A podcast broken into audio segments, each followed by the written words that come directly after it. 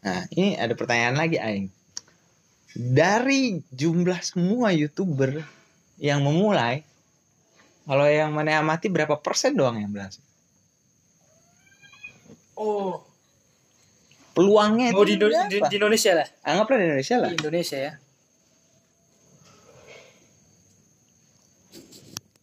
Mungkin cuman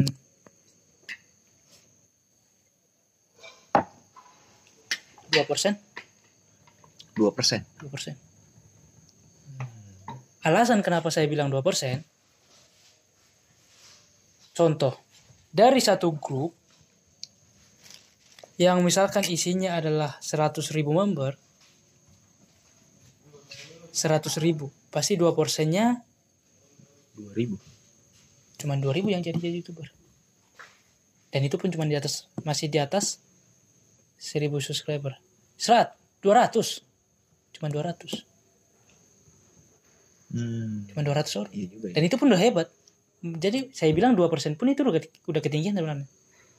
Karena banyak banget loh yang pemula nih khususnya bocah-bocah itu yang buka. Banyak parah. Loh Hmm. sangat-sangat banyak. Dan bi- bisa dibilang yang youtuber terkenal di Indonesia hitung jari yang A ini nggak nggak kehitung sebenarnya bisa dibilang bisa dibilang cuman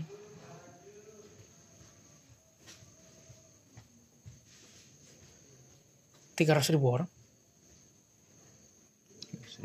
tiga ratus ribu orang Dari entah berapa juta itu. Iya.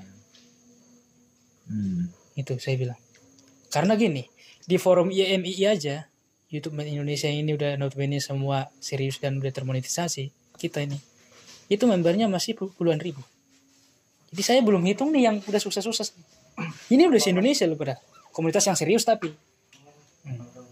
masih sepuluhan ribu loh masih puluhan ribu membernya Hmm. gitu. Jadi ya di situ saya hitung. Tapi kenapa saya bilang 300 ribu? Itu saya hitung dari jumlah subscriber guru Aing. Hmm. Dia masih punya jumlah subscriber 300 ribu dan Aing yakin semua itu konten kreator.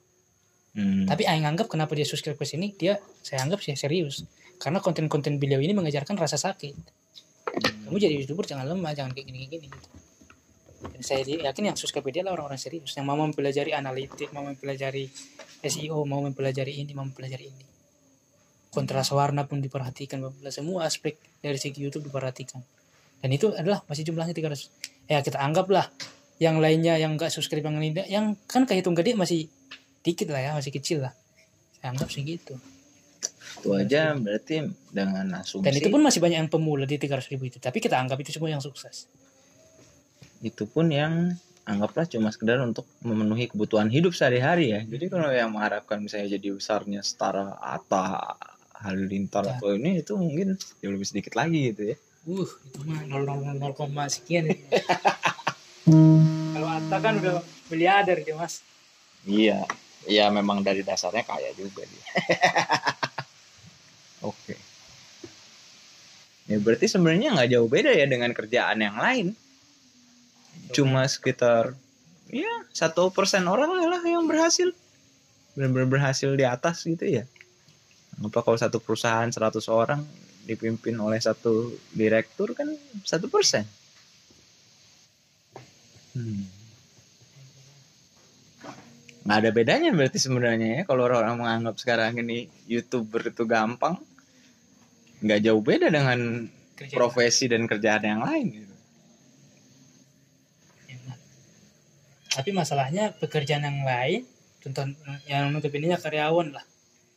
Mau sekerja keras apa pun kamu, ya gaji kamu pentok-pentok naik berapa sih? Hmm. Kalau enaknya kamu bisnis sendiri sama contoh di platform kayak gini, ketika kamu makin bekerja keras, penghasilan kamu ke depannya ketika kamu berhasil tak terbatas. Hmm. Nggak kita tahu lubang-lubang dari mana aja. Kalau misalkan dari karyawan terukur dari mana gaji kita, ketahuan. Kalau ini enggak, dari YouTube selalu naik. Kalau misalkan kita konsisten, belum tahu kita ada rezeki endorse atau gimana. Kita udah jadi seorang influencer loh. Hmm. Kita udah punya fans sebesar ini. Fans sebesar ini. Dan ini semua orang. Kita jadi influencer. Orang-orang influencer sangat dipercaya oleh perusahaan. Karena kamu, omongan kamu nggak cuman didengarkan kuping kanan, tapi udah disimak sama penonton kamu. Gitu mas. Jadi kita jadi yang namanya bisnis saya bilang ya YouTube ini bisnis yang namanya bisnis bukan cuman kayak gak kehitung lah ininya nilainya Hmm. gak kehitung dari mana aja nanti duit jadi ketika kita kerjakan ini secara konsisten dan yang paling kita suka pintu rezeki itu datang dari mana aja? Dan menurut dengan adanya COVID ini segala macam ini malah berimpact positif atau negatif nantinya terhadap kalau untuk saat ini money ini. untuk saat ini yang yang alami adalah positif nggak ada ngaruhnya justru makin positif. Orang di lockdown pasti nonton YouTube ya. dan penghasilan meningkat drastis. Karena iklan di lebaran juga makin nambah. Oh iya, betul. jadi gini kenapa juga YouTube saya yakin akan sukses khususnya masih di Indonesia mungkin di luar negeri udah berada ke podcast atau gimana kalau di, di dalam negeri TV udah mulai mati sekarang. Apa? Udah mulai mati? TV Oh, jadi sekarang YouTube pun udah buka TV bahkan channel-channel orang namanya di, di pinggir-pinggirnya dibuat TV contoh Gepeng TV misal nih. Misal nih. Bumi Gepeng belum jadi Nah. TV ngle, baru radio aja ini. gitu. Mi- misal gitu. Jadi saya lihat sekarang orang jadi yang saya lihat kenapa misalkan contoh ya kita lihatlah net TV salah satunya di komen udah nggak ada. Karena nggak ada lagi pengiklan yang mau masuk yang menonton kamu nggak ada. Oh semua orang nonton ke YouTube nih. Diimpes orang. Orang iklan besar-besaran loh di YouTube. Iya, karena sekarang anak Kebukti. mudanya juga iya sih. iya aing aing misalkan nih 10 menit video aing. Setiap 2 menit aing taruh video iklan. Semua berisi iklan loh buktinya. Kalau mungkin dulu aing isi 5 mungkin tiga yang keisi. Gitu. Kan aing kasih rumahnya dong tempatnya. Nah, gitu. oh. kebukti saking banyaknya. Dan bahkan sa- kalau di dan bahkan satu slot bukan contoh mas sekarang buka YouTube nonton iklan sampai selesai pasti akan muncul iklan lagi kecuali kita lewati iklan. Nah, Jadi bukan cuma satu iklan tiba-tiba ke video langsung bukan. Ketika kita nggak skip iklan, kita tonton nih video, tiba-tiba iklan. Iklan akan iklan lagi sekali lagi baru ke iya dua kali. dua loh. Jadi kalau misalkan ini ada empat, delapan. Berarti sekarang YouTube juga maksudnya penghasilan, maksudnya pen- penerimaan iklannya juga makin banyak dibandingkan dulu ya. Yang parah. Makanya YouTube itu sistemnya makin kuat, algoritmanya makin kuat, karyawannya makin sangar, Dan dia, mengerjakan platform ini karena ini. orang sekarang mengarah ke sini. Dan Indonesia konsumsi terbesar media sosial adalah YouTube. Kalah WhatsApp nggak seberapa. Ada grafiknya. YouTube tuh paling tinggi Hmm. konsumsi. YouTube tuh. Jadi bisa dibilang orang kenapa acara TV mati sekarang bahkan net TV dikabarkan mau drop bla bla bla nggak ada yang nonton. Orang udah pada nonton YouTube. Kompas TV kenapa buka YouTube? Net TV kenapa buka YouTube? Bahkan semua sekarang siar- siaran TV ada YouTube-nya loh. Hmm, hmm. Ya, ini pun nonton lebih mendingan lewat YouTube. Wong bisa kapan aja, nggak perlu Kapan aja. nunggu. Gitu. En- enaknya situ jadi YouTuber sebenarnya. Susahnya itu di awal sama konsistensinya. Kalau udah dijalanin, ya mana udah pasti makin terlatih. Udah ahli mana di bidang mana. Nah, masalahnya kebanyakan orang itu nggak kuat di konsistensi sama awalnya itu. Karena mikirnya, wah, yang jadi youtuber nih duitnya banyak nih, gampang nih. Gampang nih. Padahal itu susah gitu ya. Susah. Makanya nggak salah yang bilang tuh yang mau jadi YouTuber itu adalah orang gila. Kenapa bisa dibilang gila? Orang YouTuber tuh nggak bisa satu skill loh. Photoshop dia harus bisa. Hmm. editing dia harus bisa ngomong harus bisa record harus bisa maksudnya contoh aja lah nih makanya saya bilang ya ini bisa dibilang youtuber itu lah multitasking Hmm. jadi nggak cuma pintar ngomong nggak pintar ngedit pintar photoshop pintar, Pintar mikirin ide. mikirin ide buat judul pintar buat analitik SEO itu bukan pelajaran yang gampang belajar SEO pun nggak gampang itu Hmm. susah saya berbulan-bulan belajar itu baru dapat klipnya oh ah itu cocoknya kata ini Hmm. Gitu. Nah, sekarang terakhir nih pertanyaan Aing. Bagaimana pendapat mana nih tentang ya sekarang maksudnya kalau menurut Aing ya, Aing sendiri Aing konsumennya YouTube bisa dibilang. Aing senang nonton YouTube. Tapi kok YouTube yang menghiasi timelinenya Indonesia ini kok isinya menurut Aing apa ya? Gak ada nilai apa-apa untuk otak gitu loh. Cuma sekedar apa sih? Senang-senang doang ini ngapain gitu maksudnya eh, nonton nonton video prank prank orang atau apalah mungkin lagi lockdown dia bikin sesuatu yang nggak jelas gitu nah menurut Maya sendiri gimana biar dunia per youtuber Indonesia ini lebih banyak diisi yang konten-konten bermanfaat minimal yang bisa orang belajar lah dari situ Wah, kalau saya sih sendiri Mas ya agak sulit lah masih mengatakan saran. Tapi yang saya tekankan adalah ini kembali ke penonton Hmm. pribadi masing-masing. Dan untuk saat ini orang Indonesia itu pengennya masih kayak gini. Hmm. Permintaan pasar tuh. Jadi you, konten kreator akan mengasih apa yang dimaui oleh penonton. Karena itu duit. Hmm. Bukan kalau mana pengen ego mana yang main. Mana nggak dapat duit. Nah sekarang mana butuh ego mana atau duit, Anjing, gue tahu nih. ya kan? Mana contoh nih, saya pengen membuat generasi Indonesia bagus. Contoh Pak Pak Menteri Pendidikan pengen buat semua konten itu tentang pendidikan. Nggak ada yang nonton, nggak ada duit. Ah. Tapi dibuat keke menikah. Yang nonton 4 juta, 40 juta duit. Ah. gitu mas. Jadi Indonesia itu pola pikirnya masih ini. Dan masalahnya di Amerika sendiri yang saya tonton, ini adalah konten-konten 2 tahun, 3 tahun yang lalu. Jadi mungkin bukan cuma di Indonesia ya. Berarti seluruh dunia memang orang itu lebih senang entertainment daripada education pasti, ya. Pasti itu jelas. Dan pada dasarnya YouTube itu adalah entertainment. Hiburan. Karena orang pergi ke YouTube adalah pengen cari hiburan, bukan cari cari masalah, bukan bukan memenuhi-menuhi pikiran. Soalnya ketika education sama contoh bisnis bla bla, itu sebenarnya bisa dibilang belajar. Sedangkan kalau kita buat konten-konten yang prank sama yang ini, itu adalah membangkitkan ketawa.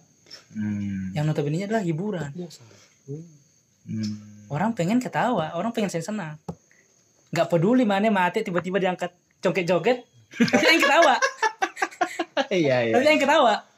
Hmm. Padahal itu sebenarnya mati loh orangnya loh, tapi kita ketawa. loh. Iya iya iya. Nggak peduli aing.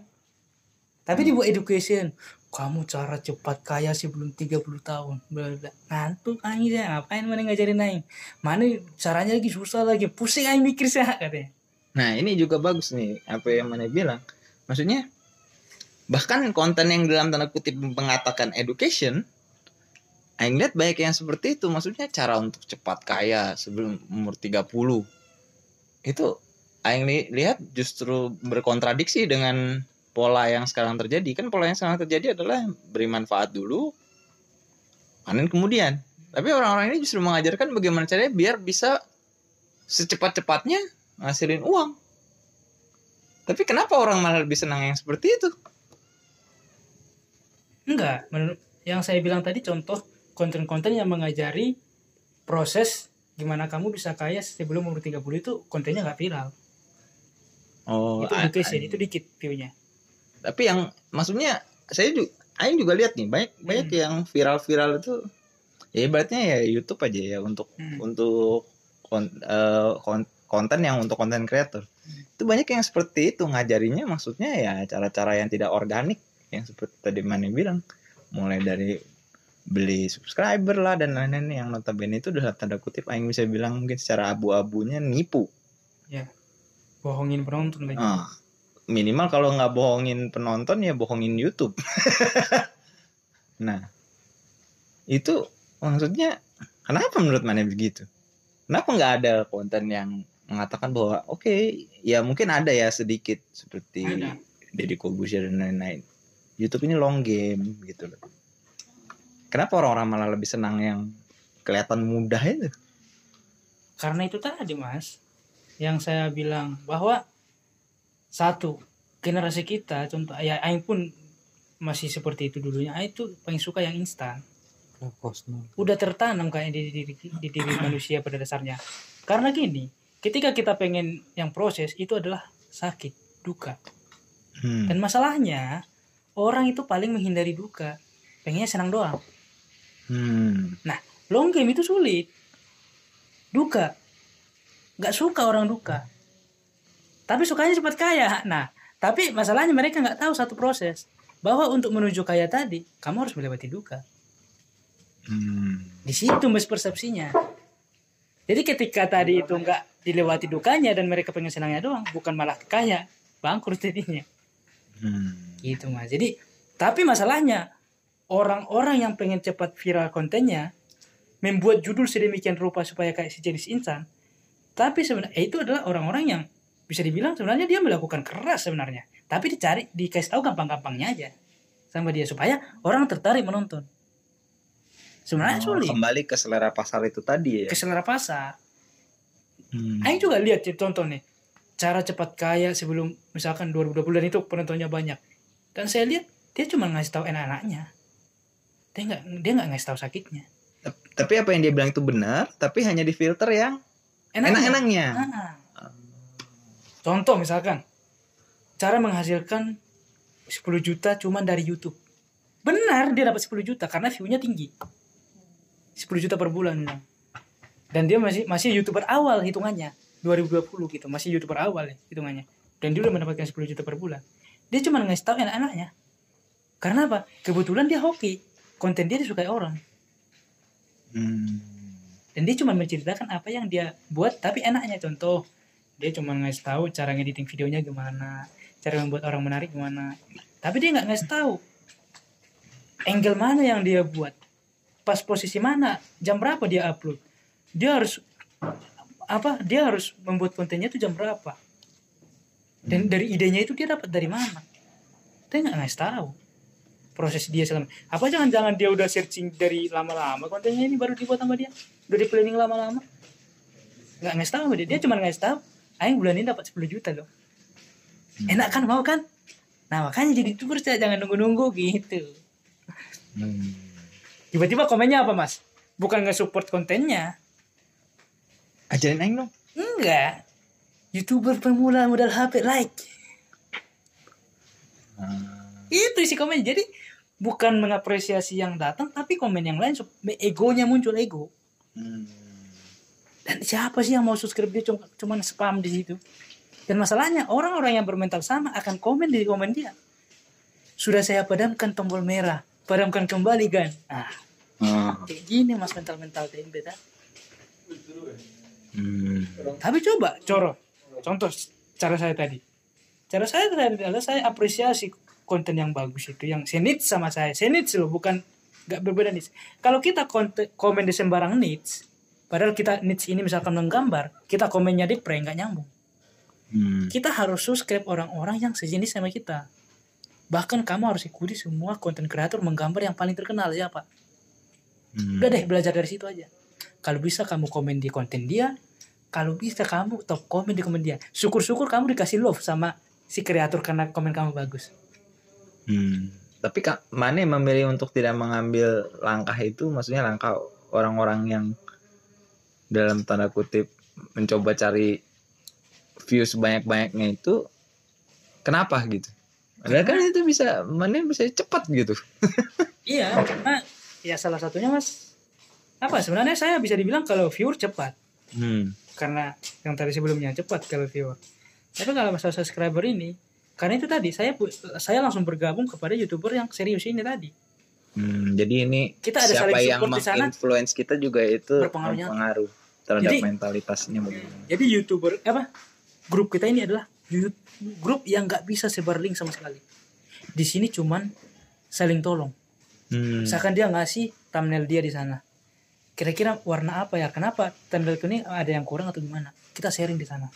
Bahkan dia ngasih tentang misalkan setelah dia berhasil buat video seribu seribu view cara dia dikasih tahu di forum itu. Cara saya adalah saya buat kayak gini saya upload jam segini bukan sebar link untuk sub bukan. Hmm. tapi di sana sering berbagi ilmu. Karena kamu akan memfokuskan kepada orang-orang yang pengen nonton video kamu jangan fokuskan ke orang lain. Jadi sebenarnya hampir sama ya di dunia online dan dunia nyata ini siapa temanmu akan sangat mempengaruhi mentalitas yang terbentuk seperti apa kira-kira gitu. setuju saya mas. Seperti itu. Dan bisa dibilang lima teman terdekatmu hari ini akan ya akan membentuk kamu lima tahun ke depan. Nggak bakalan jauh dari lima teman terdekat lima tahun ke depan. Itu datang ide-ide itu dari teman-teman Aing juga. Oh kebanyak gini gini gini gini.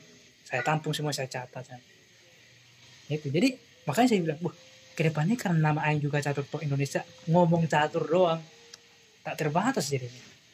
Yang penting ada kaitannya sama catur saya ngomong Tapi jadi kelihatannya nih dari mulai awalnya iseng sekarang malah idenya jadi seperti bisa dikembangkan ke mana-mana gitu ya. Dikembangkan ke mana-mana dan karena saya lihat juga peluang perputaran duitnya ada di sini.